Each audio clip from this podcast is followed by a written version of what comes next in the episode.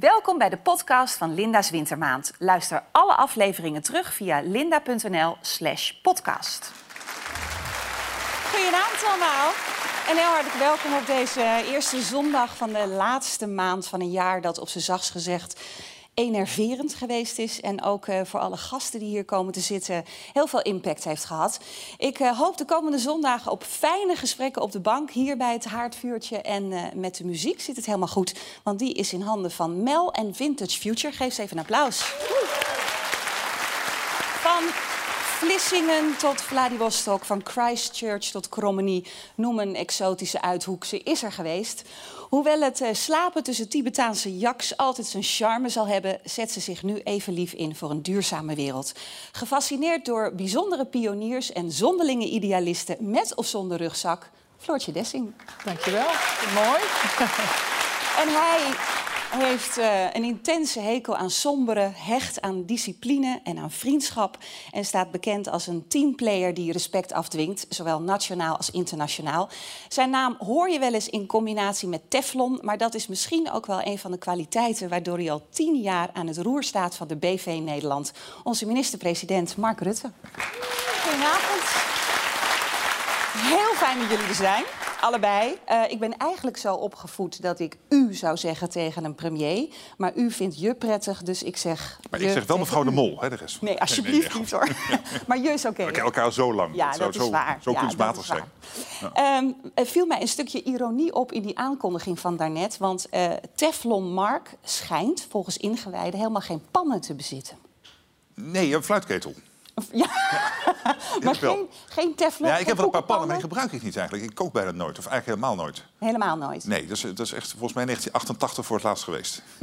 ja. En je, gaat, je doet wel zelf boodschappen, maar dat zijn Ja. geen dingen die in een pan moeten, zeg maar. Nee, nee, eigenlijk niet. Wel vreemd misschien, bedenk Ja. ik me nu. Maar eh, in New York bijvoorbeeld is het heel normaal. Hè? Daar leveren ze appartementen zonder keuken. Ja, klopt. Eh, omdat Ja. iedereen er wel ergens bij een takeaway, weet je, Je wel, pakt een koffertje en je Ja. een...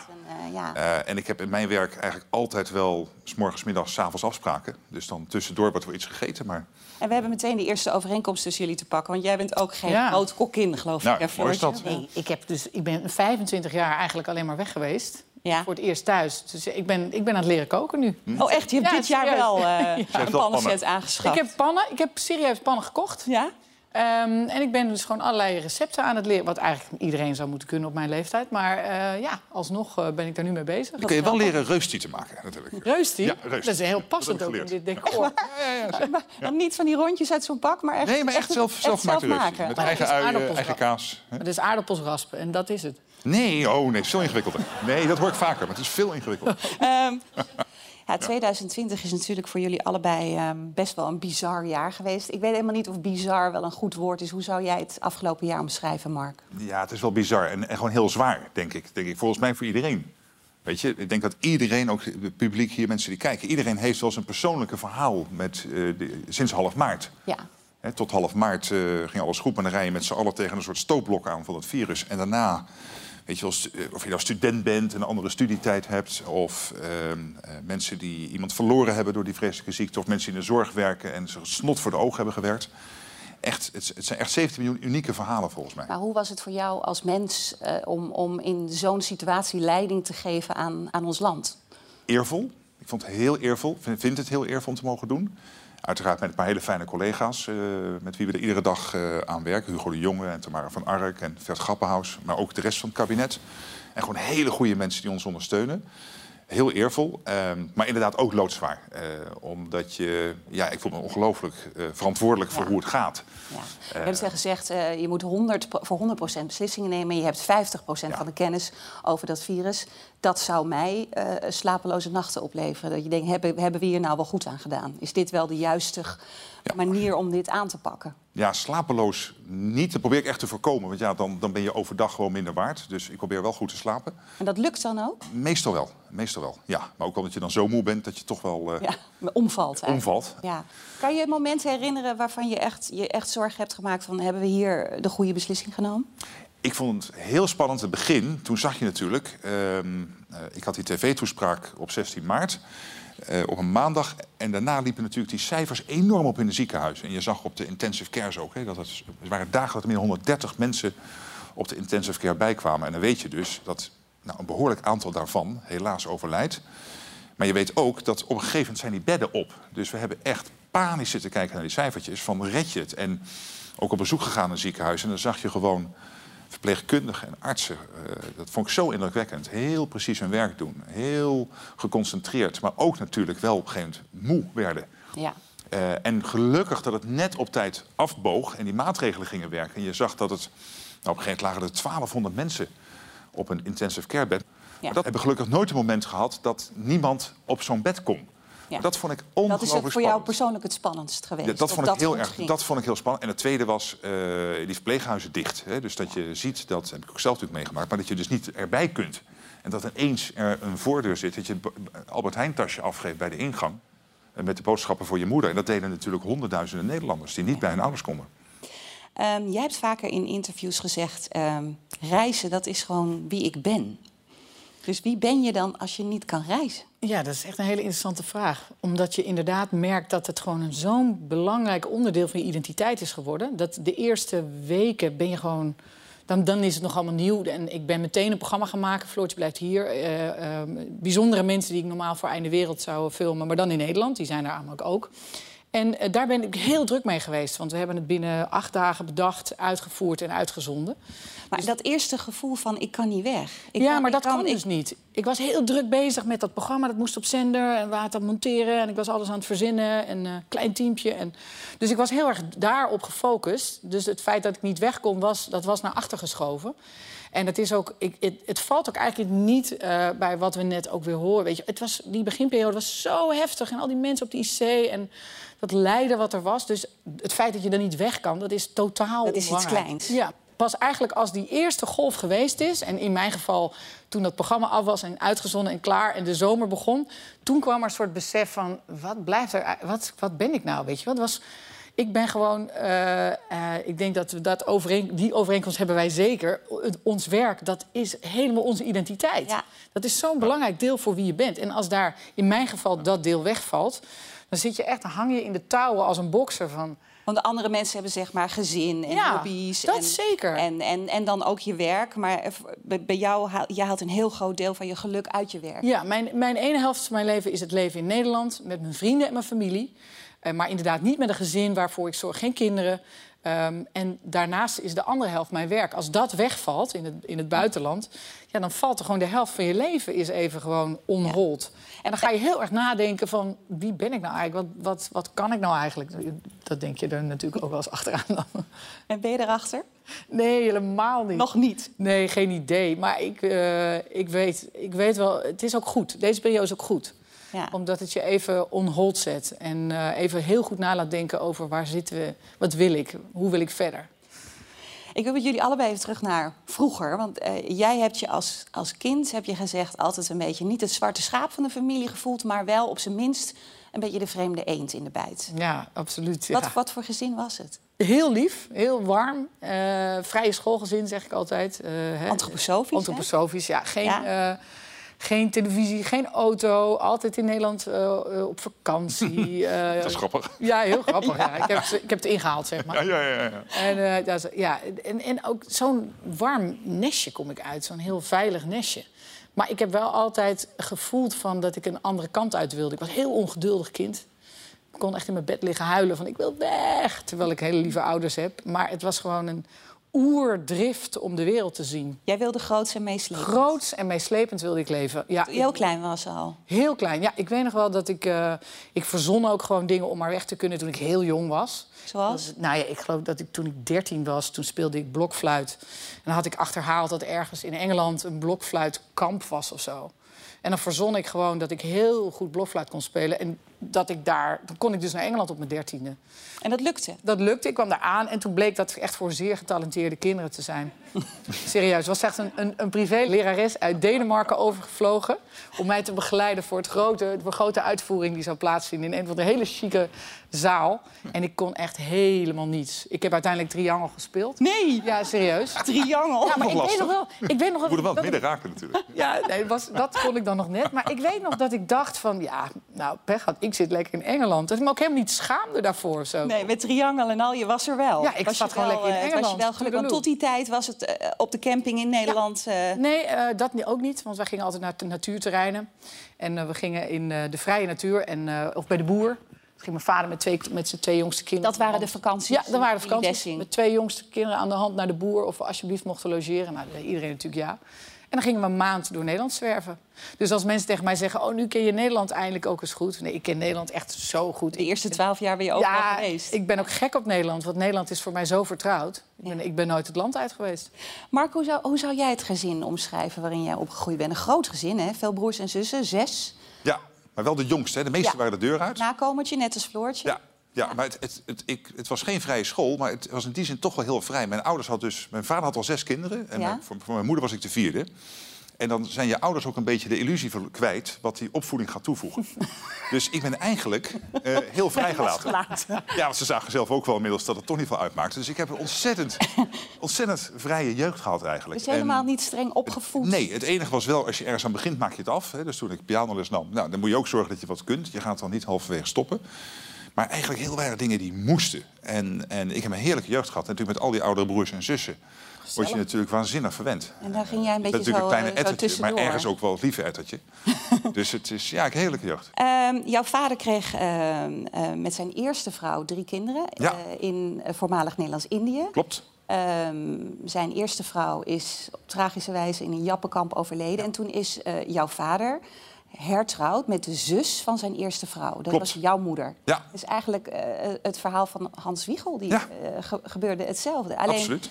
ehm, ik, ik denk dat dat moet toch een soort van verstandshuwelijk geweest zijn. Want Nee. niet. Nee, het, verhalen het lijkt zo van, moeder... ik ga me bekommeren om de kinderen van mijn zus. Nee, helemaal niet. Oh, Zo'n type was mijn moeder niet. Nee. Eh, die, die, die, eh, ze kende mijn vader natuurlijk als de man van haar zus. Ja. Maar mijn moeder was weer 14 jaar jonger dan haar zusje.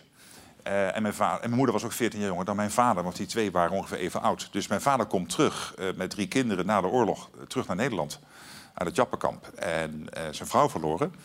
En, en mijn moeder had al gezegd als klein meisje, als ik ooit ga trouwen is het met Is. En Is was dan de man van haar zus. En dan zei haar moeder, ja dat kan toch niet, die is al getrouwd met je zus. Hoe kan die nou met jou trouwen? Oh ja, dat kan niet. Nou, uiteindelijk Ze vond het altijd al een hele leuke man. ja, maar ze had ook zoiets. Ik wil niet met een vreemde man trouwen. Ik wil met iemand trouwen die ik Die ken. ken. En, hen- en hen kenden ze. dus uiteindelijk ja, is, eh, kwam hij dus terug met die kinderen. En, en dat klikte. Ja, dat was echt eh, liefde. Eh, enorm. Want mijn moeder goed was niet zo'n moederlijk type. ook. Ze was wel heel liefhebbend. Ja. Maar niet een klassieke moeder die de hele dag eh, loopt te poezelen rond de kinderen. Helemaal niet. Vrij zakelijk eigenlijk. Maar wel ja, gewoon eh, stevig en lief, liefdevol. Ja. En, en wat deed je graag toen je klein was? Wat waren je hobby's, dingen die je leuk vond? Piano spelen dus? Ja, ik vond, ja, dat ben ik wel wat later gaan doen, muziek gemaakt. Was ik wel, eh, geloof ik, tien of elf. Eh, eerst even elektronisch orgel, dat vond iedereen verschrikkelijk. dus ben ik snel mee gestopt en toen piano. En dat vond ik echt een hele grote hobby. En ik dacht ook ooit, daar wil ik in door. Maar op een gegeven moment, zeker in die klassieke muziek... wat dan mijn grote liefde was en is... ehm, daar is zoveel concurrentie. Dan moet je zo ongelooflijk goed zijn. En je weet op een gegeven moment van jezelf wel... Technisch ging het wel, maar kun je ook eh, in de interpretatie, hè, dus in de uniek, het unieke wat jij toevoegt aan die stukken. Ik denk, ja, dat is toch niet op dat niveau eh Niet dat ik door haalbaar. ga breken. En mijn andere grote hobby was eh, geschiedenis. ridderverhalen tot en met ja, alles eigenlijk van de geschiedenis vond ik prachtig. En dat, daarom werd het ook een studie geschiedenis Het grappige uiteindelijk. was, mijn ouders vonden het ook allemaal best. Ik, ging, ik was de eerste die ging studeren bij ons in de familie. Ja. Ik zit helemaal niet bij de Ruttes, dat studeren. Maar goed, ja, prima, ga je toch lekker studeren. Maar al mijn vriendjes die moesten nuttige studies doen. Hè, dus recht of economie. Want dan werd je Eh, iemand. Want dan werd je, kreeg je een goede baan. Ja. En mijn ouders zeggen, joh, als je geschiedenis leuk, we gaan lekker geschiedenis studeren. Maar zeker toen, begin jaren tachtig, met de economische problemen... Was het, dacht ik later wel eens, wat heb ik een risico's genomen? Maar wat ben ik ook weer blij dat ik gedaan heb van ik Londen had. En Ja. nog steeds is dat een grote hobby. En was je, was je, hoorde jij bij de populaire op de middelbare school? Nee. Nee, ik had, ik had echt een paar hele goede vrienden, maar ik was niet de getapte jongen. Eh, nee, dat was ik echt niet. Wel eens gepest ook? Nou, niet echt. Vond ik meevallen. Iedereen werd wel eens gepest. En ik Nou ja, ik, zelf ook ik las in het boek wat over je verschenen is... dat je wel eens eh, eh, door de conciërge uit de schoonmaakkast Heb bevrijd ik bent. gelezen, maar dat herinner ik me echt niet. Nee? Nee. nee. nee, het is, nee, het is stom. Dat, was dat, was ik, dat hoorde ik. Dat heeft waarschijnlijk een van je, van je klasgenoten verteld. ja, wel een lullig verhaal eigenlijk. Ja. Maar eh, nee, Je kan, je kan het je niet het is geen blijvend trauma. Nee. Het, ik kan me zelfs niet herinneren. nee. En een andere verhaal wat er stond, wat ik her- herkende... omdat eh, ik op, op school ook zat met eh, kinderen die dan ook lid werden van de JOVD. Dat vonden wij een beetje de nerds. Want Ja, die, hadden dan, terecht. Die hadden dan pakken Dat was een hele leuke organisatie. Hè? Ja. Maar het is natuurlijk gek als je op die En we leeftijd hadden pakken aan en stropdassen en zo. Dat vonden wij een beetje de ballen. En, maar we hadden allemaal iets van, we wilden allemaal niet burgerlijk zijn.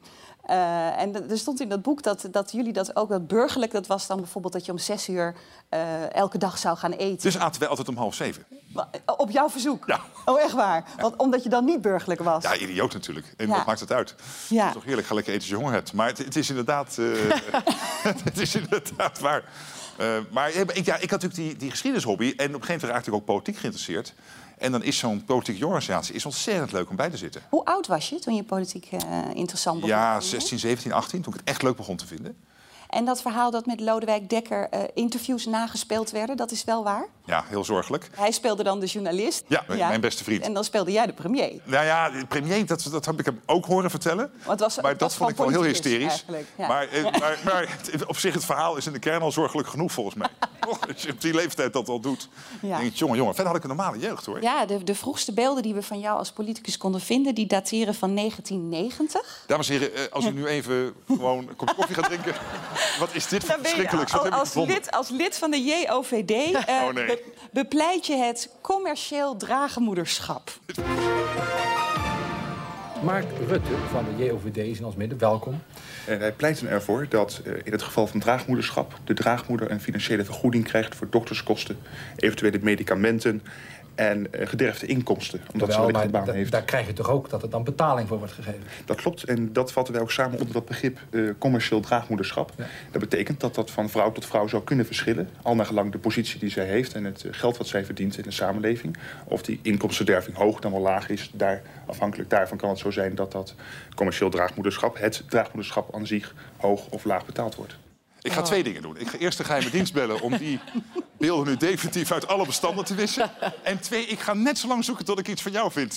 Oh, er is genoeg. leeftijd, dat Oh, is er is genoeg. Echt. Ik, ik kan, ik kan Wat een een avondvullend programma Oh, maken met... zo'n eh, puppyvet Het kost mij Ja. heel veel zetels bij de verkiezingen. Oh, ja. Nee, maar het is ook zo grappig, omdat het zo'n zo'n zo'n groot thema is... waar je dan als, als, als jong broekie als een, een hele, hele, hele riedel... Nee, goed dat je dat nog eens benadrukt. Het is ook echt Maar wat ik wel, nee, maar wat ik even on the bright side wil zeggen, er zat iemand naast en die deed alles van een briefje. Die zat echt zo, die zat het zo op te lezen. En jij deed wel alles, alles uit je hoofd en formuleert ontzettend goed eigenlijk.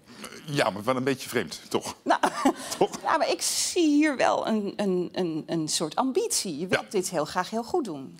Ja, maar ik vond, het ook, ik vond die politiek interessant. Maar meer, gek genoeg, ik heb er laatst over nagedacht, echt als hobby. Ik had helemaal toen niet het idee, ik ga daar mijn vak van maken. En, ehm, eh, en nogmaals, ik, ja, ik, ik was uiteindelijk pas op een 35e ben ik pas de politiek ingegaan. Eh, Floortje, ik wil, eh, ja, we hebben de triangel en de blokfluit al gehad, dus ik wil met jou even naar de muziek. Eh, je bent een enorme muziekliefhebber. Ja. Ik shazam altijd alles wat jij onder je programma's... je, Ja. je zoekt dat zelf uit, hè? Ja, nou, ik maak, ik, maak het samen met Bram Slinger, editor, de zoon van Harry. Ja. En die heeft ook zo'n geweldige muzieksmaak. Dus wij zitten echt als twee kleutertjes altijd tot diep in de nacht... muziekjes met elkaar uit te wisselen en onder het programma te gebruiken. En eh, daar komt natuurlijk eigenlijk mijn verleden ook wel weer een beetje van pas. Want ik, heb, ik ben eigenlijk bij de radio begonnen, dat vergeet iedereen. Maar daar ligt mijn grote liefde ook. Ehm, ja, we gaan eh, naar jouw favoriete liedje luisteren. The Highway of My Life Ja. eh, van de Isley Brothers. Ja, dat moet ik meteen... Alfred Lagarde, ken je die nog? Ja, zeker. Ja, dat was Ja. dus mijn allereerste baantje. Ging ik, 's nachts werd ik producer van Alfred Lagarde. Dat was echt een fenomeen. Voor de mensen die wat jonger zijn, die kennen niet meer. Maar het was de Big L. Hele mooie stem. Een hele mooie stem. Ja. Sprak altijd de commercials voor Veronica in. En ik kwam daar echt als kleutertje kwam ik daar bij de radio. Ik, nee, ik was eh 22, zoiets. En het was voor mij gewoon een en al... Ik had met hele grote ogen van wat gebeurt hier. En Alfred Lagarde en Rob Stenders, waar ik ook voor werkte... die had ook een, eh, nachtprogramma. Die hebben mij allebei geleerd... eh, eh, zoveel muziek te leren waarderen. Nog meer dan ik Nou, de deed. titel past natuurlijk wel heel goed bij jou, hè? The Highway of My Life. Ik zeg ook altijd, als ik sterf, hopelijk nog heel ver weg... dan eh, mogen ze dit voor mij spelen. Nou, op toetsen Nico Brandsen, drums Ton Dijkman. En ik ga het één keertje zeggen in deze maand, omdat ik het zo leuk vind. Ze is de kleindochter van Piet Veerman, zangeres Mel en Vintage Future met The Highways of My Life. Zijn ze allemaal? Nee, serieus. Ik zit er Ja, met een traantje in heel, heel, heel fijn bandje wat we hier hebben. Jemig. Ehm, 196 landen zijn er op de wereld. Ja. Hoeveel heb jij er gezien? Oeh, eh, ja, het wordt vaker gevraagd, maar ik, ik tel. Het is niet zo dat ik ze tel. is exact weet. Maar ik, rond eh, 150 ongeveer. Dus je bent er bijna.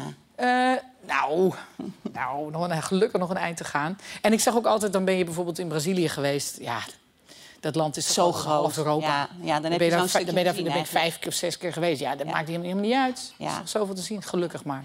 En naar de mooiste plek wordt natuurlijk ook altijd gevraagd... maar dat is eigenlijk überhaupt niet te zeggen natuurlijk. Eh, dat is niet te doen. Het is eigenlijk een beetje eh, zoals nu, de, wat is de mooiste plaat die ooit gemaakt is. Weet je? Er is te veel moois op de wereld. Maar ik vind, ik heb bijvoorbeeld twee jaar geleden een reis gemaakt naar South Georgia. Bekend? Nee? Nee, Zuidpool? Nee, nou, ja, heel goed, heel goed. Ja? heel goed. Ja. En dat is fantastisch, want het is een natuurreservaat, hoort bij Engeland. De pinguïns? Eh, ja, dus dan sta je dus echt op een strand met iets van 200.000 koningspinguïns... die je echt zo aankijken van, nou, het boeit me echt niet jij er bent. Nee, dat niet eens. Ze zien je niet eens, want ze, ze- je komt niet voor in hun leefwereld. Dus. En daar sta je dan, en daar sta ik dan echt als een, wederom als een kind... gewoon met tranen in mijn ogen, omdat het zo magisch is om daar te mogen zijn. We kijken even naar eh, een overzicht eh, van jouw eh, prachtige reizen. In de afgelopen zes jaar heb ik voor Floortje naar het einde van de wereld de meest inspirerende mensen bezocht. Hi, Rose! I walk round the edge every day if I can. It's about 25 minutes to walk round the edge. And that's it. Yeah, The furthest you can walk. yeah, unless I go twice and then. Can a kid handle cold like this easily? Yeah, we always go outside uh, every day, even if it's uh, 40, 45 below, because you have to go out. You need, you need fresh air.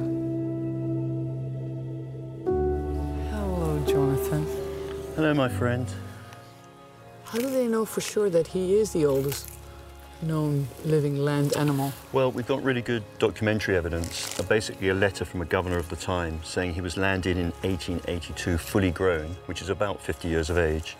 So he was born like a few decades after Napoleon died. He was certainly hatched. Unbelievable. Linksaf moest ik, volgens de aanwijzingen van Mari. Mari? Hello? I'm not quite sure how to say your name. Hallo, Floortje. Flor. Flor. Can you say Flortje? Flortje. Wat me het meeste is bijgebleven aan mijn bezoek aan Mari in de Amazone... is het bijzondere ritueel dat haar man Patricio als sjamaan bij mij uitvoerde. Op onverklaarbare wijze maakte hij veel bij me los.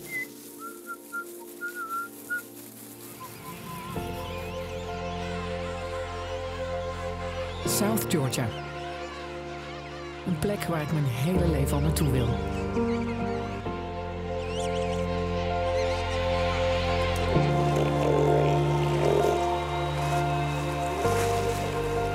Tot slot kijk ik ademloos uit over een van de grootste pinguïnkoloniën van de wereld. Ja, dat is inderdaad wel echt heel prachtig. Nou, dat maakt het ook wel echt zwaar voor me. Want ik heb, dus met dat reizen is het zo. Het is nu gewoon ver weg. Het is niet, het kan niet. Het, het is alsof je dol bent op snoep, maar je hebt altijd snoep in de kast liggen, maar het is er nu niet. Weet je wat? Dat- maar als ik nou weer zit te kijken, Dan begint het wel weer te weer kriebelen, denkt? Ja, bij oh, mij ja. ook. Dat is niet zo jouw ding, heb ik het gevoel, maar Ja, ik, ik Grote zou, reis, of wel? Ja, ik zou in oktober een paar dagen naar... Het is dan niet zo spannend als dit, maar een paar dagen met mijn neef naar Rome zijn gegaan. Ja. Eh, en ehm, dat kan nu allemaal niet. Dus dat moest ook worden afgezegd. En eh, ik had met wat vrienden een beetje skiën gepland begin januari. Kan natuurlijk ook niet. Dus het is allemaal niet, niet Ja, heftige zijn, reizen. Bij jou zijn het altijd, zeg maar, een is het een korte vakantie. Maar Het zijn echt- korte vakantietjes, maar je bent wel reizen, weg. Dat, dat kan, kan dat eigenlijk überhaupt, als je, als je premier bent? Mag je ver weg? Of moet je altijd binnen een bepaalde Nee, afstand? je mag wel ver weg hoor. Alleen je moet natuurlijk je telefoon aanhouden. En, en er zijn ook weer mensen hier die als er gekke dingen gebeuren... Hè, zijn de vicepremiers die kunnen... En je bent niet onvervangbaar. Alleen, ik, ik vind het zelf niet prettig om in deze baan lang weg te zijn... als Nee. wat zou zijn. En daarvoor heb je als, als student veel gereisd of veel van de wereld? Ja, maar het was echt als student of voor de interrailreis, weet je wel? Met, Ja, met de trein, met de en, dan, eh, ja. en dan van eh, boven de Noordkaap naar Rome om ijs, om ijs te eten. En Ja. dan, omdat je ook drie dagen dan geld uitspaart... dat je in de trein slaat. Nou, dat vond ik wel heel leuk. Wat, wat eigenlijk wel heel Maar dat is natuurlijk niet dit spannende wat jij doet. Nou ja, en, en wat natuurlijk wel grappig is, is dat onze VVD-premier eigenlijk een hele kleine ecologische eh, footprint heeft. Want eh, hij gaat naar Terschelling op vakantie, eh, met de trein naar Duitsland. eh, terwijl jij Ja, drie keer, drie keer ja. de wereld, eh, drie keer de wereld Nou, jouw footprint... eh, Die is- maar goed, hoor ja, bij je Nee, maar is zo. Dat, is ook echt, dat vind ik ook echt iets ehm, wat me sowieso al heel lang bezighoudt. Hè, we hebben sinds kort die term eh, vliegschaamte. Vliegschaamte, ja. ik, ik, ik, daar, ik, daar, ver daarvoor waren we al aan het nadenken. Oh, dit is zo'n ingewikkeld vraagstuk. Want het is inderdaad zo dat... En daar ben ik echt van overtuigd dat het is te goedkoop. En daardoor, ehm, en dat, maar het is ook weer een hele moeilijke discussie. Hè, omdat het goedkoop is, gaan we met z'n allen heel veel vliegen. Kan, maar kunnen als je duurder maakt... Meer mensen het zich veroorloven. Daarom, dan sluit je weer mensen uit, Uit, die ja. het niet kunnen betalen. Dus dan wordt het weer een elite-ding. Dus dat klopt ook niet. Dus het is zo'n ingewikkeld vraagstuk. En ik denk, waar, zoals ik het voor mezelf nu oplos... of oplos, je lost het niet op. Vliegen is gewoon vervuilend, klaar. En ik heb eh, in, in eerste instantie altijd reisprogramma's gemaakt... waar het om de bestemmingen ging.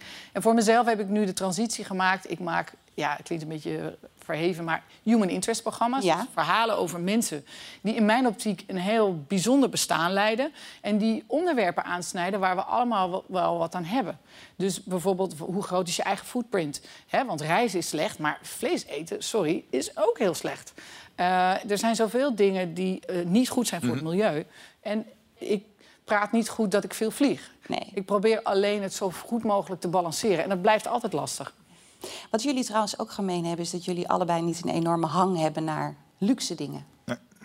Je woont nog steeds op dezelfde.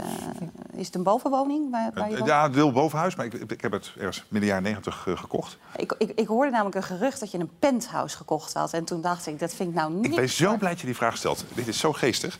Er heeft op een website gestaan dat ik Ja. een van een enorm penthouse eh, bij mij in de buurt Ja, gekocht had. Met ook nog extra logeerruimtes en drie eh, parkeerplekken voor auto's die ik niet heb. Nou, heel verhaal. En wat ik dus steeds bij de Albert Heijn nu heb, dat mensen naar me toe komen. Meneer Rutte, wanneer gaat u verhuizen? Ik zeg, nou, dat is grappig, ik ga niet verhuizen. Oh, maar dat staat in alle bladen. Ja. Ik zeg, ja, maar het klopt niet. En dan zijn mensen oprecht een beetje beledigd dat het niet blijkt te kloppen. ja, ik zeg, ja, maar misschien vindt u het niet erg. Dat het- in- in maar ik ben het- zo blij dat ik het nu kan uitleggen. Ja, nou ja, dat is bij Aan al die deze- mensen bij mij in de buurt. Dat, Dat ik is bij gewoon blijf deze wonen uit de wereld eh, geholpen.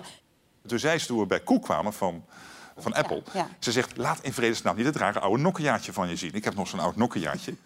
Ik zei, nee joh, maak je geen zorgen, ik laat het Nokia niet zien. Maar dat ding, na afloop van het gesprek, gaat dat ding af. Dus ik pak hem zo echt gedachteloos. En die koek krijgt echt een fit. Ik zeg, wat is dat? Ik zeg, ja, sorry, ik doe hem weer weg. En nee, die- Maar je woont nog steeds in hetzelfde huis waar je. Hoe, oud was je toen je daar ging wonen? Ja, ik, ik ben in 1995 gaan wonen. Dus toen, toen werkte ik net een paar jaar huis gekocht. Toen met vrienden en later de andere helft erbij gekocht. Dus het is een beetje te groot voor mij nu. Maar het is heerlijk wonen. Ja, en ik heb inderdaad materieel. Ik, ben, ik vind het ontzettend fijn. Ik heb, ik heb natuurlijk een heel goed inkomen. Dat even als, als eerste. Maar weet je wat ik nou luxe vind? Dat, je, dat ik gewoon, als ik een boek zie liggen wat ik graag wil hebben, dat ik het kan kopen. Of, nou, cd's worden bijna niet meer verkocht. Maar dat je mooie muziek wil kopen, dat je het kan kopen. Eh, en als iets stuk gaat, dat je het kan vervangen. Nou, maar meer dat doe voor je ook niet. Want ik, tenminste, ik weet niet of dit verhaal waar is, maar... eh, Ze heeft iets, drie jaar- ze heeft iets geleden- research gedaan. Ja, ik ben helemaal na die schoonmaakkast durf ik niks meer. Maar die, de- drie jaar geleden zou jij nog zo'n hele oude, dikke televisie gehad hebben. Ja. Dus Niet, en die Ja, zoals die hier staat, ja. Ja, en die heb je net zo lang gehouden totdat het kabelbedrijf gewoon geen analoog signaal meer afgaf. Klopt, in maart 19, 2017 volgens mij kreeg ik een bericht van de Ziggo dat dat niet meer ging. en eh, toen eh, heb ik hem vervangen. Ja, Zo'n zo, zo, zo'n klein plat dingetje. ja en is dat, is dat En dat dan... vond ik eigenlijk een grote concessie. Ja? Nou ja, ik vond het wel een gezellig dik dingetje wat er stond. En nu eh, is het zo'n plat tv'tje, want eigenlijk is het technologisch niet interessant. Maar heel even, ki- kijkt de minister-president wel eens gewoon een avond lekker... zit hij wel eens onderuit te zeppen? Nee, ik, ik heb niet heel veel met tv kijken. En het, het bijzondere in mijn vak is, we hebben op het werk mensen die precies bijhouden... wat er in politieke programma's gebeurt. Ik moet natuurlijk wel weten Ja, wat maar er politiek speelt. voor je, neem ik aan. Ja, dus dat krijg ik dan uitgetikt, weet je wel. Dus ik hoef al die programma's ook niet de hele avond te Ook kijken. niet gewoon af en toe even lekker Wie is de Mol of zo? Nee, maar ik ga wel deze uitzending kijken. Mooi. Netflixen? Beetje lekker serie. Ja, dat vind ik ook wel leuk. Dat vind ik ook wel leuk. of, eh, The Crown, natuurlijk. Ja, ja, The Crown, ja. Eh, Margaret Thatcher, wat wordt zo goed gespeeld, hè? Maar goed, dat verhaal van die, van die televisie is dus waar.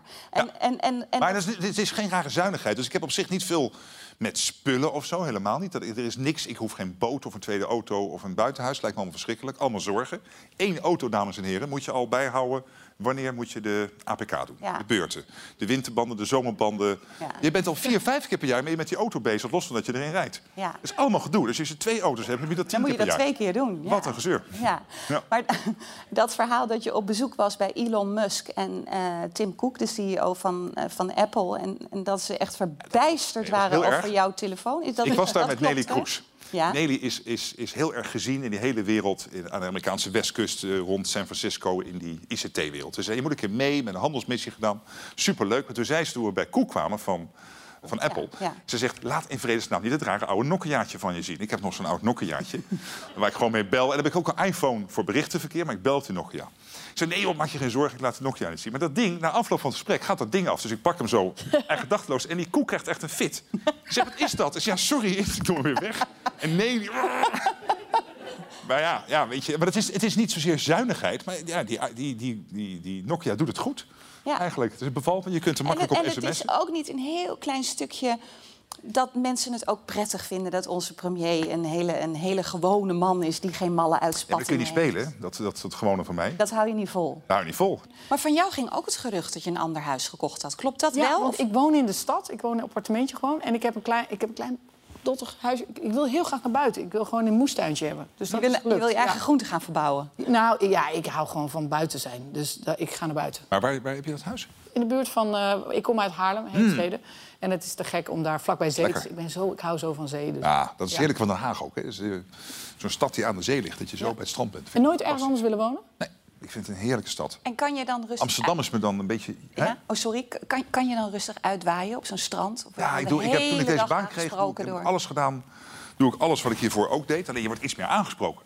Maar het is bijna altijd aardig. De meeste mensen gaan niet schelden meteen. Dus eh, het is eigenlijk altijd vriendelijk. En een heel enkele keer is iemand boos... en dan is mijn standaardreactie lucht het op. En dan is het antwoord altijd ja. Nou, Zo serieus? Dan laat je ze gaan en dan zeg je en lucht het op. Ja. Wat en, een en het goeie. antwoord is altijd ja. Wat een goeie zeg. En zijn ze het kwijt. Ja. Maar het komt zelden voor. Je bent inmiddels tien jaar onze premier en je hebt onlangs eh, kenbaar gemaakt dat je er graag nog eh, vier jaar aan zou willen plakken.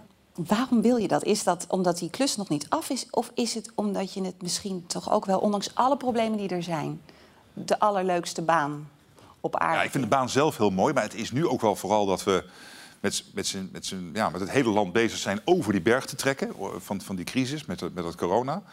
Eh, dat is nog lang niet klaar, helaas. Eh, en, en daarna moet er ook een hele hoop gebeuren. Dan moeten we weer de zaak opbouwen. Hè. Er, zijn, er zijn ook ontzettend veel bedrijven in het probleem. De economie heeft het zwaar.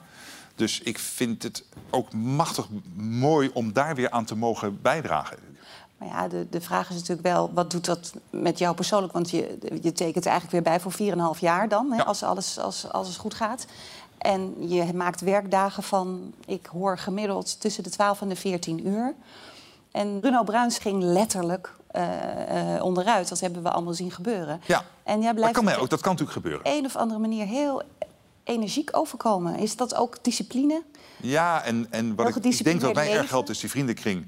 eh grotendeels buiten de politiek. Wat me ook helpt is gewoon een beetje blijven sporten, goed blijven slapen. Eh, dus proberen een beetje de zaak in balans te houden. Is het ook om de langzittende eh, minister-president te worden in de Nederlandse Nee, geschiedenis? niet als doel. Het is eh, natuurlijk grappig als het ooit gebeurt, maar het is nee, dat is geen doel. Want dan dat wordt ook weer zo kramp, dan wordt dat een Ja. doel op zichzelf. Ja, dat kan, weet je, het kan morgen afgelopen zijn. Je kunt eh, politiek weet je nooit. Het kan eh, morgen dat de Kamer in meerderheid zegt we zijn er klaar mee, weg met die man. Maar nooit opgestaan eh, dit jaar ergens op een dag dat je dacht... mijn god, hoe kom ik deze dag door? Ik ben bek en bek af. Ja, heb ik ook wel gehad hoor. Toen, toen eh, op een gegeven moment die cijfers weer opliepen van dat virus. Ja.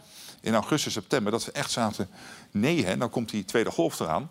En wat doen we nu? En dat waren wel momenten, zeker in september, dat ik af en toe echt wel even de, de stress had van. Nou moeten we wel de goede dingen En doen. dat is vermoeiend, die stress. Ja, zeker. Nee, het is natuurlijk niet zo dat ik alleen maar eh, vrolijk door het leven loop. Nee, dus dat is echt wel een moment dat het zwaar is. Ja. We gaan even kijken naar een aantal hoogte- en eh, dieptepunten van de afgelopen tien jaar. Mijn ragfijne politieke gevoel voorspelt dit. Dat de VVD voor de derde keer op een rij de grootste partij van Nederland is bij de landelijke verkiezingen. Oh mijn god! Ja, dat gaat handig. Wat kost dat nou, zo'n eh, flink stuk space cake? Nou, meneer Wilders, als ik zo uw haar zie, weet u er meer van dan ik.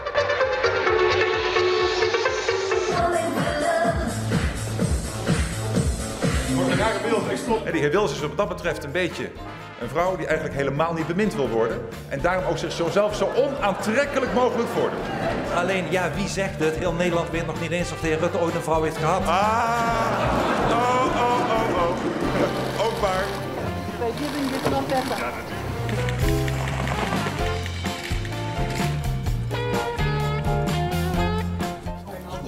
Oh, sorry, dat mag niet meer. Sorry, sorry. Nee, nee. Oh, oh, over, over, over. Ik wil er nog wel. Zo, ja. It'll be positive also because Nou. we'll just think about those cars that pour in here and we'll do something. Gewoon je bek houden als je er zit en naar die wedstrijd kijken en niet schreeuwen. Maar in de volle overtuiging dat Nederland een minister van Buitenlandse Zaken verdient die boven elke twijfel verheven is. Het eh, dramatische nieuws eh, over de vlucht vandaag van Amsterdam naar Kuala Lumpur valt nauwelijks te bevatten. Het gaat hier mogelijk om een van de allerergste luchtrampen uit de Nederlandse geschiedenis. Goedemorgen, een extra uitzending van het NOS-journaal. Want op een plein in Utrecht is geschoten. Eh, ik ben nu kort op de hoogte gesteld. Ik ga nu terug naar het kantoor om mij verder eh, te informeren en eh, alle vervolgstappen te zetten. Maar het Maakt u is, eh, zich zorgen? Uiteraard zeer verontrustend nieuws. Zeer verontrustend. Goedenavond. Het coronavirus houdt ons land in de greep. Je vraagt je af, gebeurt dit echt? Want de maatregelen die hier en elders worden getroffen... zijn ongekend voor landen in vredestijd. Dag mama, dit is eh, Mark Rutte. Nee, is geen grap, is echt. Ja, hallo. Nog een keer. Hier is de regering. Het is echt. Nee, ik ben niet tot de tanden bewapend. Ehm, nee, wat je... Voorzitter, is het denkbaar dat we deze kwestie schriftelijk afdoen? Even vrolijk eruit. Na een eh, aantal flinke dieptepunten die daar, eh, die daar voorbij kwamen. En een van die dieptepunten eh, voor jou persoonlijk is geweest dat je eind maart eh, de beslissing moest nemen dat alle verpleeghuizen dichtgingen voor bezoek. En ja, dat je dan in die situatie kwam waar duizenden andere Nederlanders ook in terecht kwamen. Dat je je eigen moeder die in zo'n tehuis zat niet meer op kon zoeken. Ja. En je ging iedere week? Ja, ja, ja, ik probeerde wel, als het lukte, zaterdag, soms ook zondag, even wat, wat Indisch te halen. En eh, samen met mijn zus daar op te eten. En dan een beetje te dommelen in haar slaapkamertje. Nee, ik Ja. vond dat eh, altijd heel gezellig. Ja. Ja. Ehm, op een gegeven moment werd hij ziek. Ehm, Ja, ze zat in het verpleeghuis. Ze was geestelijk goed, maar ze was lichamelijk eh, zwak. Ze bewoog heel moeilijk en was daarom al een aantal jaren in het verpleeghuis. ja, omdat ze anders makkelijk zou vallen en zo. Maar toen gebeurde dit. En dat is zo heftig dat je er niet bij kan. Ja. Dus dat werd eh, via de laptopzusters eh facetimen. Af en toe FaceTime. Ja, en op zaterdag dat eh, een tasje sigaretten, et cetera, neerzetten en dat soort dingen. Ja, Maar- want je bracht altijd een slop sigaretten en een flesje never. Ja, nou, want je neef was er net gestopt. Ja, net. Maar, ja, was er kort geleden voor gestopt. Maar de sigaretten waren wel onderdeel van de, van de collectie. nog. Grappig is ook zo herkenbaar uit, uit die generatie. 96,5 geworden. Hè? Mijn moeder rookte ook eh, echt pakjes sigaretten en dronk jenever. Maar ik Met- moet nu wel even voor Nederland zeggen dat het heel ongezond is. Ja, Maar Ja, als ja, kijk ruzie nou ja. met alle artsen. Ze maar mijn moeder heeft er er toch wel- heeft 96 mee 96,5 op geworden. Ja, ja. En maar dat was... haar theorie was dat dat in combinatie met de jenever was. Want de jenever zet houdt je die aderen weer open. Maar ook dit zeg ik tegen alle Nederlanders, is geen bewezen theorie. Ehm, eh, je hebt het heel lang stilgehouden dat, dat jouw moeder overleed. Je bent nog wel bij haar geweest, begreep ik? Je Ja, dus eh, ik kreeg een telefoontje van mijn broer op een gegeven moment op dinsdagavond, eh, 12 mei. Eh, ik was net even op de fiets door Scheveningen gegaan, want er was dat vreselijke eh, surfongeluk geweest. Oh ja. Waarbij een paar jonge jongens waren eh, een stuk of vijf, zeg ik uit mijn hoofd, omgekomen. En ik woon in Den Haag, dus ik, was er even, wilde er even kijken en, en respect betuigen. Maar niet vanuit mijn functie of zo, of deftig. Maar, maar goed, dat was die avond. En s'nachts belt mijn eh, broer en eh, die zegt... joh, Maas heel slecht, hoor ik net. Eh, je, kunt er, je kunt er terecht. Want dat was een protocol. Hè, bij, als het heel acuut is, mocht je er wel in. Dus meteen heen gaan s'nachts. En overdag is mijn zusje erbij gaan zitten. En toen is eind van die woensdag is ze overleden. Eh, ja, het was ineens had ze, was er iets gebeurd. Eh, het was geen corona, ze hebben het wel getest nog. In het huis had corona wel behoorlijk huis gehouden, Ja. helaas. Maar toen heb ik met mijn zus en mijn broer verlet... jongens, met die baan van mij is er het risico... als ik het nu bekend maak, dat er misschien een fotograaf in de bosjes ligt... bij de begrafenis. Nou, dat zouden ze echt niet getrokken hebben, ik ook niet. Dus toen heb ik het stilgehouden tot de maandag na de begrafenis. En toen ben ik het naar buiten gebracht. Ja, een, een, een vriendin van jou heeft gezegd... ik dacht, wat doe je jezelf aan? Want er was nog een persconferentie zelfs... eh, eh, voordat bekend was dat je moeder was overleden. En dan Ja. moet je daar toch staan. En je hebt zelfs nog een paar grapjes gemaakt... terwijl je natuurlijk... Ja, maar dan, op dat moment dacht ik, het zat in mijn hoofd, ik ga er vannacht weer zitten. Mijn zusje zat er overdag. Maar toen is het die avond eh, misgegaan. En je, er kon er maar één bij. Hè. We konden er niet met een groepje gaan zitten. Dus ik was ontzettend blij dat mijn zuster was. En dan is werk op dat moment een beetje afleiding. In afwachting van, nou, weet je, vanavond een uurtje of acht, negen los ik weer af. Eh, maar toen was het al eh, gebeurd. Ja. Ja, weet je, ik wilde gewoon niet. Het werd echt een, een, een, eh, een Rutte-begrafenis. We zijn op de fiets heen gereden, geen niks deftigs. Harde Charles Aznavour aan en rond de kist gezeten. En haar naar het laatste plekje gebracht. Maar dan wil je niet dat dat verstoord wordt door, Door- iemand. door allerlei oh, dan gaan we eens kijken of ze huilen of niet, weet je wel. Ja, ja. Wat mis je het meest? Is het dat, is het dat die, ook die, die routine van elke week even er naartoe en elke Ja, maar gewoon dat ze, weet je, het, het, ze had ontzettende humor. eh, nam, nam het leven met een hele grote korrel zout. Had heel van haar leven meegemaakt. Maar wat ik heel mooi van haar vond... Van mijn vader heb ik echt geleerd... je kijkt niet op naar de professor en niet neer op de vuilnisman. Hè. Iedereen Is hetzelfde. draagt bij wat hij kan bijdragen. En een goede vuilnisman is evenveel waard als een goede professor. Maar van mijn moeder heb ik echt geleerd... je kijkt naar de toekomst en niet naar het verleden. Dat zat ook in haar leven. Ze had veel meegemaakt en ze altijd positief naar de toekomst. Het lijkt me zo moeilijk om door te blijven gaan met persconferenties. Terwijl Ja. je hoofd erbij zit van, die, mijn moeder is er niet meer. Ja. Ja, wat ik wel deed, is in de avonden heel veel met familie doen. En, en nog steeds hoor, doen we dat. Eh en heel veel tijd voor. Dus, en ook eh, echt even een potje goed huilen. Ja, nee joh, ik, ik ben ontzettend aan het janker. Ja. Ja? En dat moet je ook echt doen hoor. Daar schaamt me geen seconde voor. Gewoon. Hey. Floortje, jij laat je eigenlijk nooit zo over je politieke voorkeur uit. Ja, dat klopt. ik niet. Waarom is dat? Ehm, nou, ik probeer wat ik, waar ik in geloof en waar ik voor sta, dat probeer ik in mijn werk uit te dragen. Dat is natuurlijk moeilijk, want ik, ik ben eh, nog steeds in hart en nieren een groene rakker. Ehm, en dat eh, zal ik altijd blijven. Maar ja, ik ben natuurlijk ook veel, waar we het net al over hadden, ik, ik ben een kilometervreter. Maar ik vind het heel belangrijk dat, dat ik niet een stempel op me gedrukt krijg van... oh, ik zet in die partij of ik zit Ja, in die hoek. Omdat ik gewoon iedereen wil bereiken. Ik wil niet alleen maar pre- preken voor eigen parochie. Ja, ik snap. Dat vind ik gewoon heel belangrijk. Maar jouw broer, ehm, Johan Dessing, die Mhm. is eh, provinciaal lijsttrekker voor Forum voor Democratie. Ja.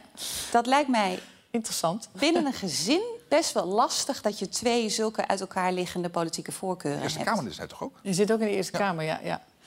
Ja, het is eh, eh, inderdaad mooi geformuleerd. Dat is, eh, dat is heel ehm, eh, een, een thema. nieuwe situatie. Ja?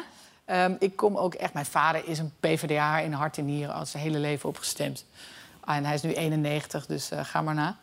Ehm, dus eh, het- is ook, laat ik het even ook bij mijn ouders... Voor hun was het ook een, verrassing... dat Ja. je eh, je eigen zoon een andere hoek uit... een andere kant uitgaat.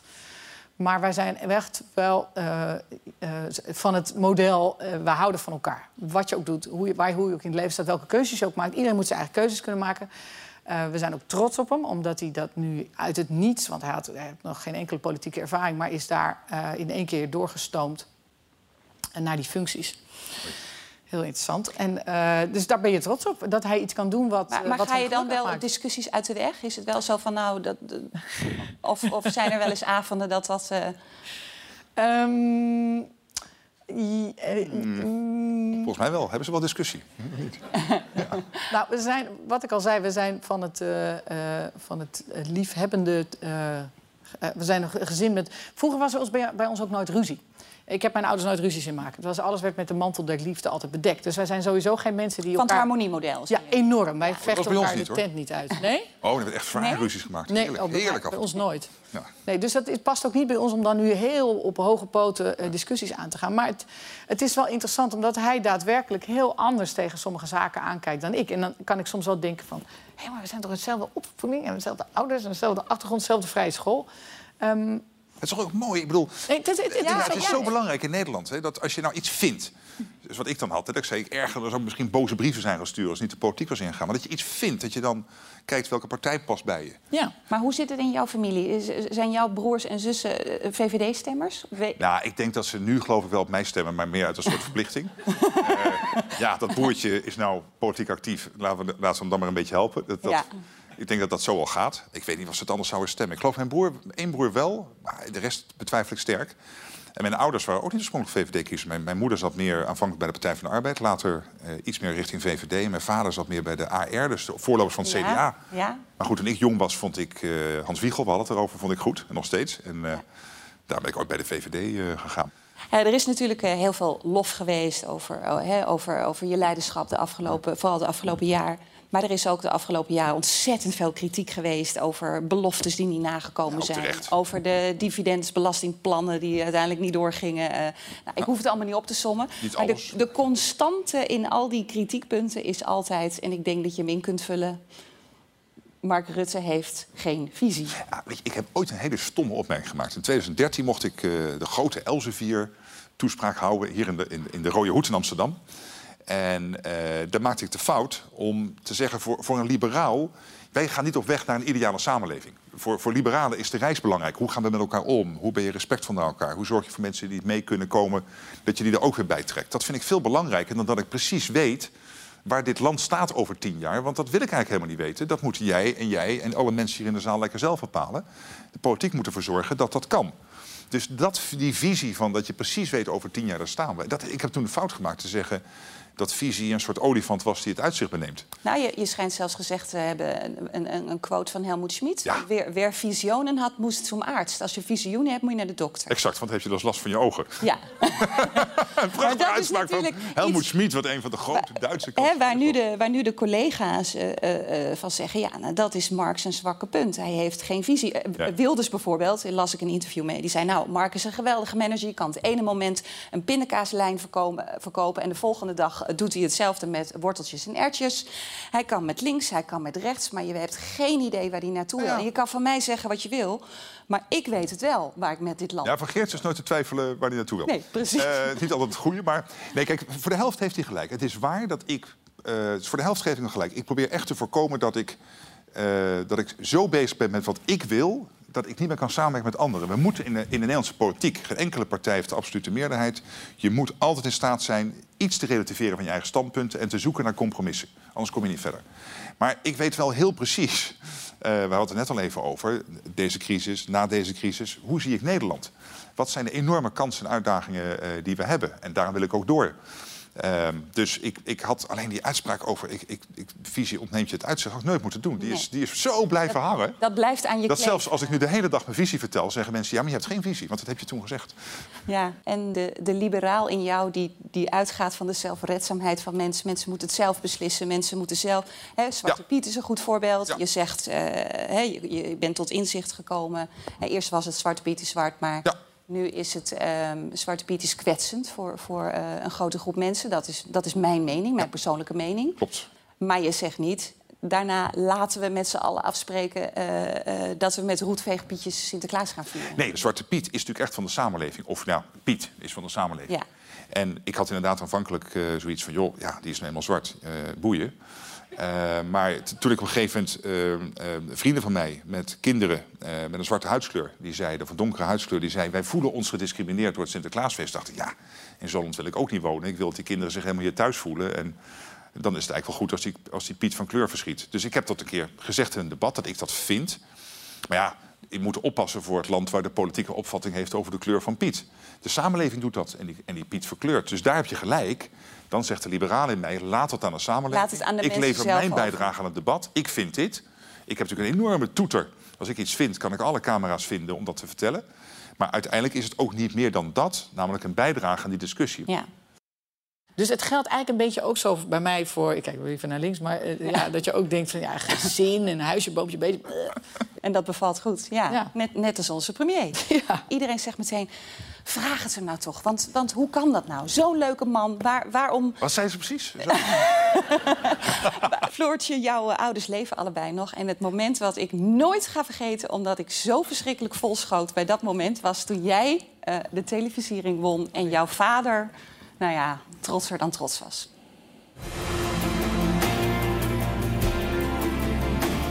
Ivor, dat had ik niet gedacht. Wat leuk dat ik nou eens kan vertellen hoe ontzettend blij we altijd zijn met al die leuke programma's. We hopen maar dat je vanavond in de prijs valt, want het zou bijzonder mooi zijn Maar mocht dat niet zo zijn, dan blijf je evengoed onze dierbare reizende dochter. Dag lieverd. Hier is de uitslag. De winnaar van de Gouden Televisiering 2016 is met 64% van de stemmen Floortje! Mijn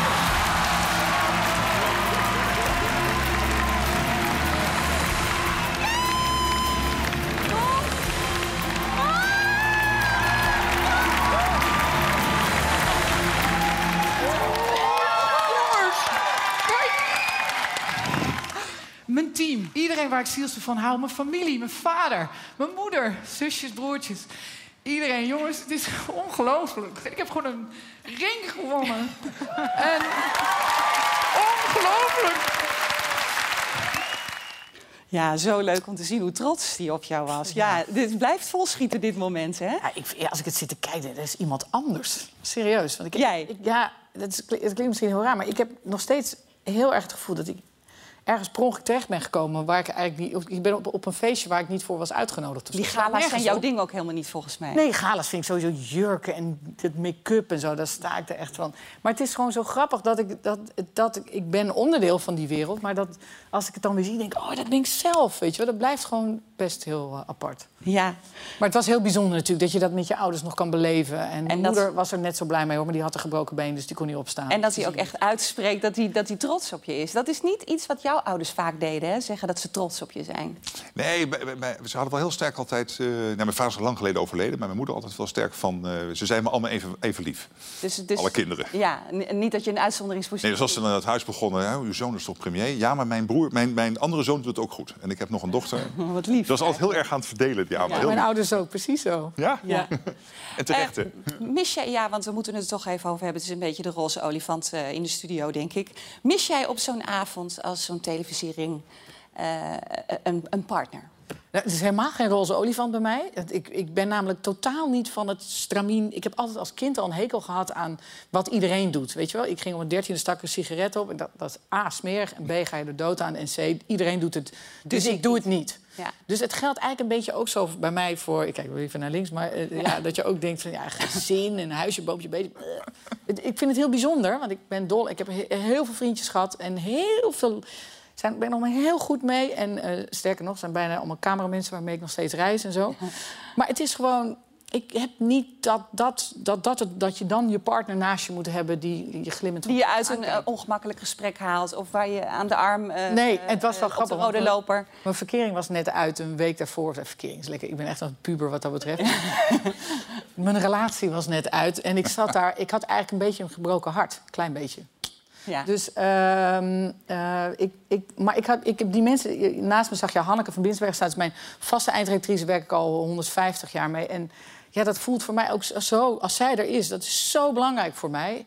En mijn zusjes en mijn broer ook. Maar we zijn zo close met elkaar. Dat, dat, is, dat is net zo mooi. En heb jij voor jezelf een beetje geanalyseerd waarom dat er voor jou niet in zit? Waarom dat er bij jou niet op zit? Die wens om met iemand honderd te worden. Dat is een hele goede vraag die ik me ook vaak heb afgevraagd. Maar nogmaals, het heeft te maken met mijn eh, aversie tegen wat iedereen doet. Eh, daarnaast eh, ben ik gewoon een beetje te lang aan mijn puberteit blijven hangen, denk ik. ik, ik toen ik heel jong was, kreeg ik een relatie met iemand die veel ouder was. Dat was echt de enige in mijn hele leven waar ik spijt van heb. Het was echt een ongezonde relatie waar ik veel te lang in heb gezeten. En toen ik daaruit kwam op mijn negentiende, want ik woonde samen en ik was helemaal... Zo jong al? Ja, dat was belachelijk. Want dat moet je ook helemaal niet doen. En helemaal niet met iemand die veel ouder is. Dat is ook echt het enige waarvan ik... Dat, dat, zo slecht was dat voor mij. En ik denk dat ik toen tegen mezelf gezegd heb... dit ga ik nooit meer doen. Ik ga nooit meer iets doen wat ik eigenlijk niet wil. Want dan ben je op zo'n jonge leeftijd... Daar was ik helemaal niet klaar voor. Slaat nergens op voordat ik dat ooit gedaan heb. Neem ik die anderen ook verschrikkelijk kwalijk. Ja. Maar dat is nou helemaal gebeurd. Dat heeft me gevormd. En ik denk dat ik gewoon heel lang gedacht heb van... nou, ik ga gewoon lekker freewheelen. En dat bevalt goed, ja. Ja. Net, net als onze premier. Eh, eh, je- volgens mij krijg je er belachelijk veel vragen over. En vind je het ook best vervelend zo langzamerhand dat mensen zich dat af blijven vragen. Maar als, tegen wie ik ook zei van, eh, ja, ik ga onze minister-president interviewen. Iedereen zegt meteen, vraag het hem nou toch. Want, want hoe kan dat nou? Zo'n leuke man, waar, waarom... Wat zei ze precies? Waar, waarom niet een relatie? Dat, dat fascineert mensen natuurlijk. Ja, maar dingen lopen zoals ze lopen. Weet je, het, is, het is bij mij iets minder dat, het, dat ik dat echt een plan... Ik heb, jij hebt ook geen plan bij, maar uh, bij mij ook niet. Het is, ik heb ontzettend leuke vrienden, weet je. En, en wie weet zit ik op een gegeven moment uh, handje in handje op de bank. Dat kan een keer, maar... Het, het, en als dat gebeurt, zien we het ook wel weer. Maar ik, kijk, ik pak het leven ook een beetje zoals het komt. Het voelt bijna als een bewuste keuze. Want ik geloof niet dat het niet op je pad komt. Want er zijn heel veel vrouwen die jou ontzettend leuk vinden. Ja, maar ik ben ook niet zo makkelijk hoor. Het is. Uh, nee? Ik weet het niet. We moeten een aparte uitzending aan wijden. Nee, uh, ja, ik uiteindelijk ben, hecht ik ook wel erg aan mijn. Ben ik wel een vrij haars jongetje natuurlijk. Wil ik al gewoon uh, lekker ook mijn, mijn gang kunnen gaan. En, en, maar, weet je, maar je weet nooit hoe het loopt. Op een gegeven moment. en is het ook niet zo als je zo lang je eigen gang gaat. dat het ook steeds lastiger wordt om je nog te... Zou kunnen hoor, dat je misschien dan je te binden aan iemand die van alles wil en, en, allerlei andere, andere dingen leuk vindt. En, uh... Ja, misschien is dat zo, maar dat zou ik dan moeten ervaren. Maar het is niet zo dat ik nu denk, oh, dat nooit. Helemaal niet. Nee joh, en als, als, het, een beetje, als het op je weg komt, dan, ja, dan gebeurt En dan zien we dat wel weer. Ik, ik, sta erg open voor, uh, voor alles hoor, altijd. Ja, niet dat er nou brieven moeten worden gestuurd. Nee, ik maar, net zeggen, bedoel, uh, dit zou een heleboel reacties op kunnen leveren, denk ik. Uh, dat je, nooit, je weet natuurlijk nooit hoe het ja. leven gaat. En volgens maar het komt misschien omdat ik, omdat ik zelf niet zo goed ben in, in alleen zijn. Ik bewonder het ook hoor. In, in, als jij zo zegt, oh nee, ik vind het prima, die rode loper in mijn eentje. Heb ik helemaal, helemaal geen enkele last van. Dat vind ik ook echt bewonderenswaardig. Maar ik kan me dan zo voorstellen, een bepaalde dag dit jaar... dat je thuis komt, dat het lekker is dat er iemand zit die zegt... schat, ik heb al een wijntje voor je ingeschonken. Want dat Willem-Alexander en Maxima nu nog naar Griekenland gingen... dat kon jij er nog wel bij hebben, zeg maar.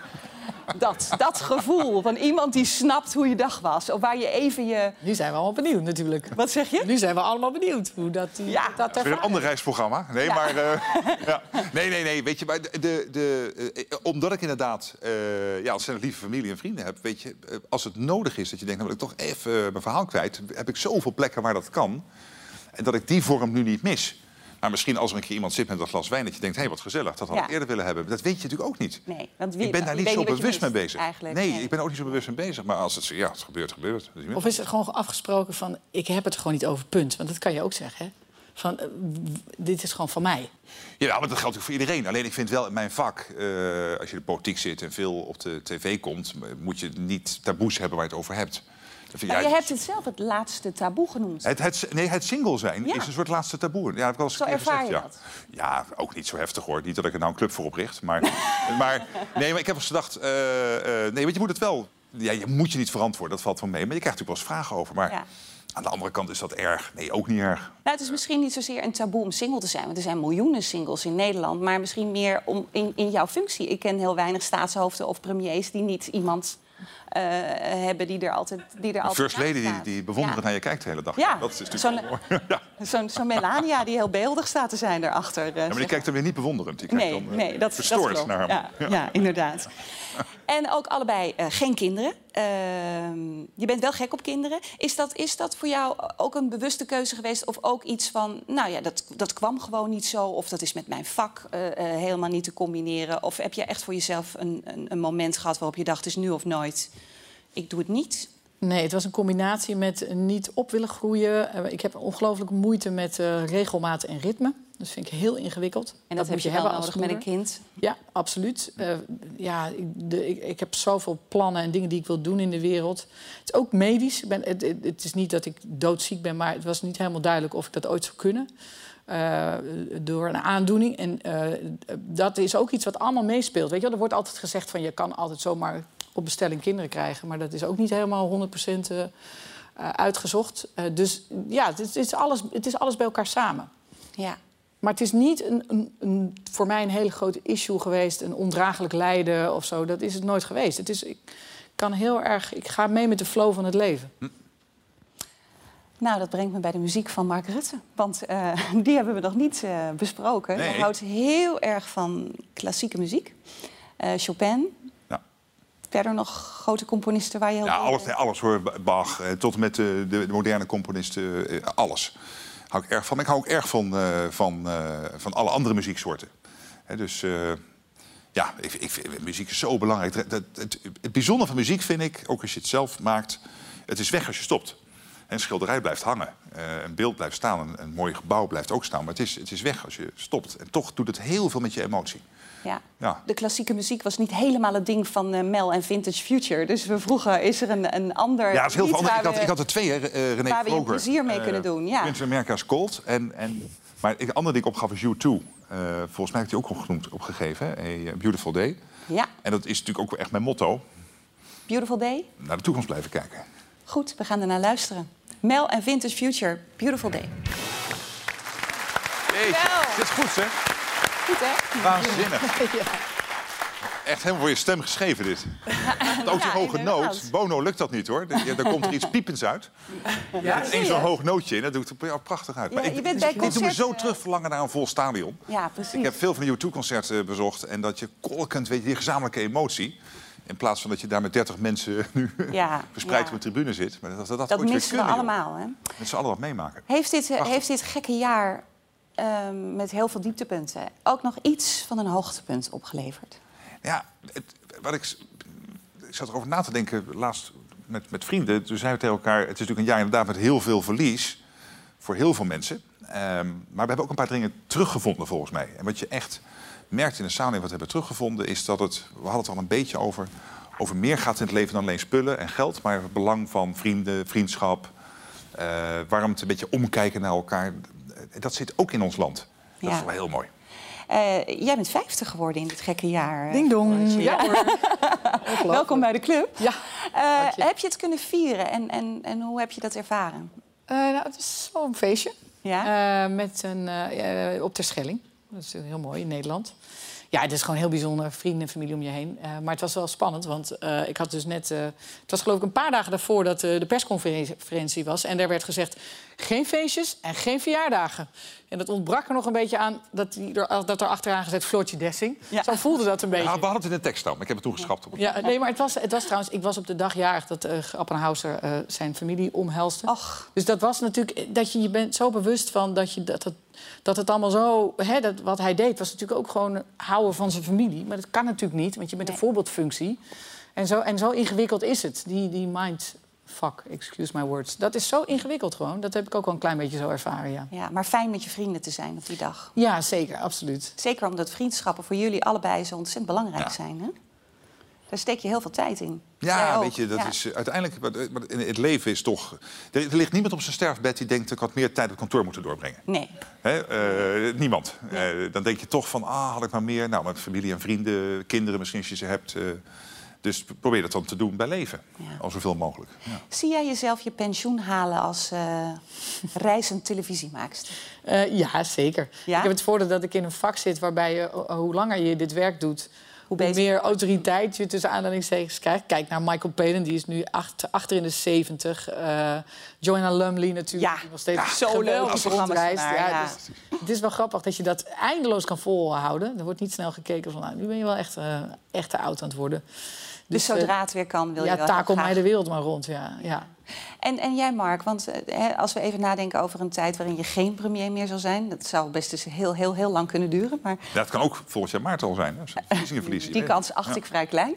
Ehm, zijn er dingen waarvan je denkt, nou, dat kan ik nu allemaal niet doen, om- omdat ik minister-president van dit land ben. Maar als ik straks meer tijd heb, dan wil ik nog eens een keer, weet ik veel, naar Canada met een rugzak. Of ik wil dansles of kookles. Of ik wil een boek schrijven. Of, of staan er dingen op, op de. Op Dat de soort dingen niet, maar wel het eerste. De- Dan zou ik gewoon eens een paar langere reizen. En dan niet zo spannend wat jij doet. Daar blijf ik toch gewoon jou op tv volgen. Maar eh, gewoon eens wat langer naar misschien Trans-Siberië Express. Weet je wel, door Rusland een keer. Dat duurt geloof ik een week of tien dagen. Of eh, Canada spreekt me erg aan.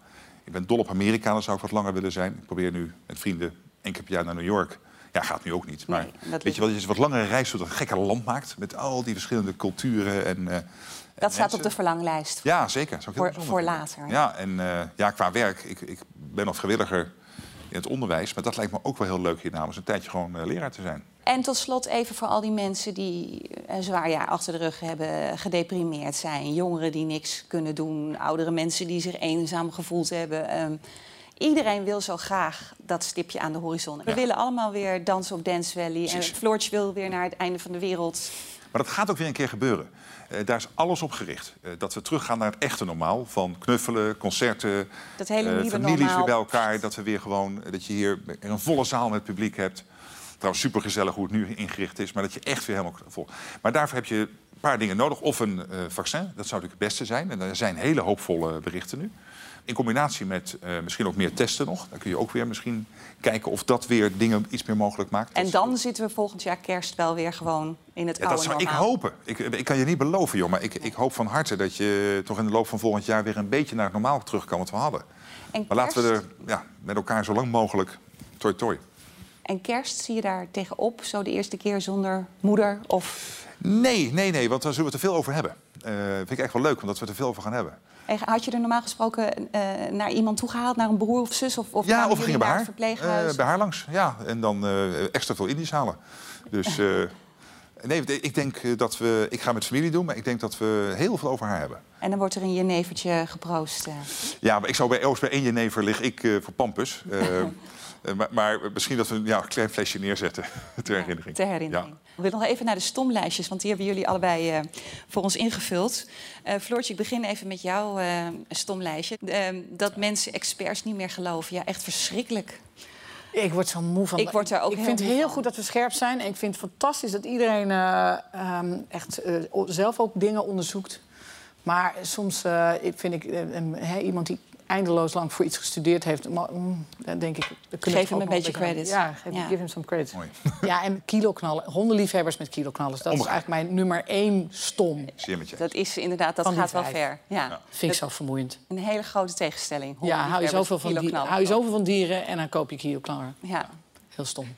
En Trump, ik heb echt met verbijstering zitten kijken naar er wat daar gebeurde. veel geschreeuwd en gevloekt wordt. En Ja.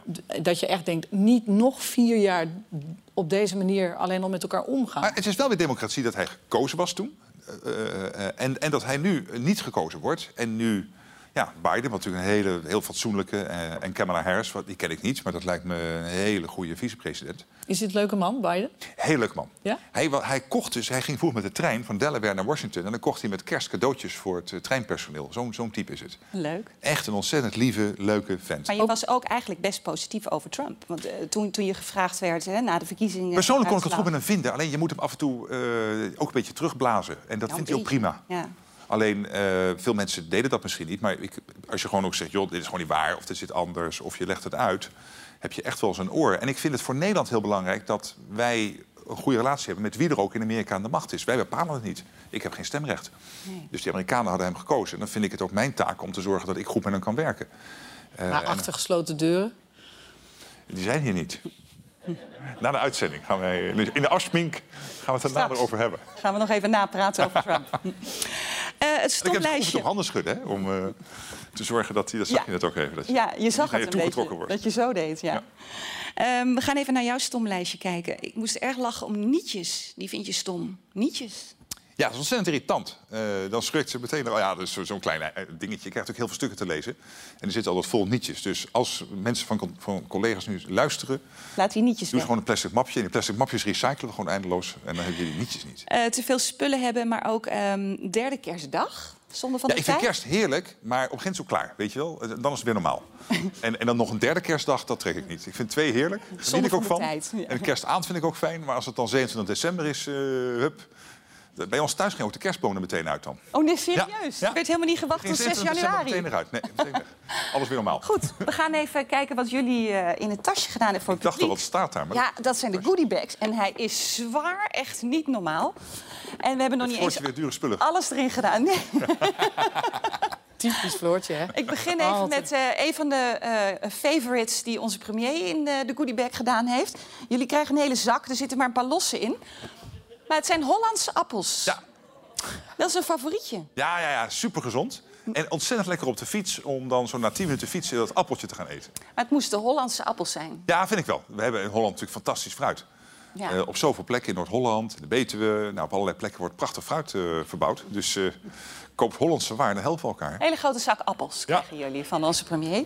Eh, een sweatshirt van, eh, van jouw eigen kledingmerk. Een, een fair trade. eh, Hey, Superbelangrijk. krijg ik het ook? Dit is allemaal met gerecycled materiaal. En, eh, Ja, nee, ik vind gewoon. Ik, ik heb een groot voorstander van duurzame kleding. Want eh, vooral spijkerbroeken worden heel, zijn heel vervuilend. En, eh, Kijk, Juicy maakt ze gewoon eh, niet vervuilend en, en duurzaam. En geen kinderhandjes die eraan gewerkt hebben. En dan blijf ik gewoon al roepen. Dat vind ik zo belangrijk dat we ook daaraan denken. Dat je Ja, en het is een hartstikke leuk sweatshirt. Een beetje wat je aan had eh, eh, voordat de dure maatpakken kwamen. Ja, ik had dit soort sweatshirts, is- ja.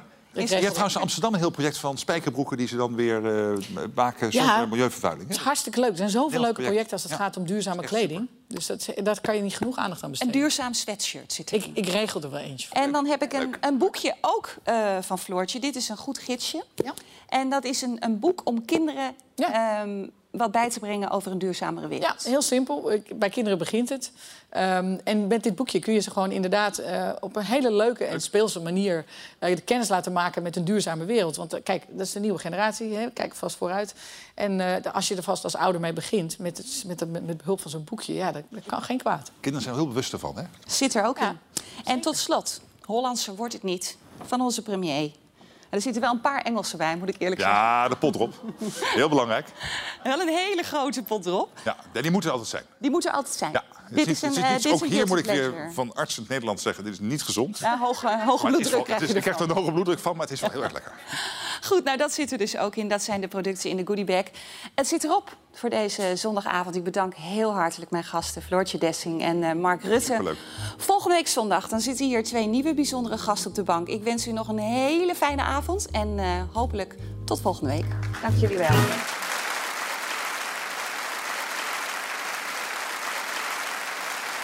Dit was de podcast van Linda's Wintermaand. Luister alle afleveringen terug via linda.nl/podcast.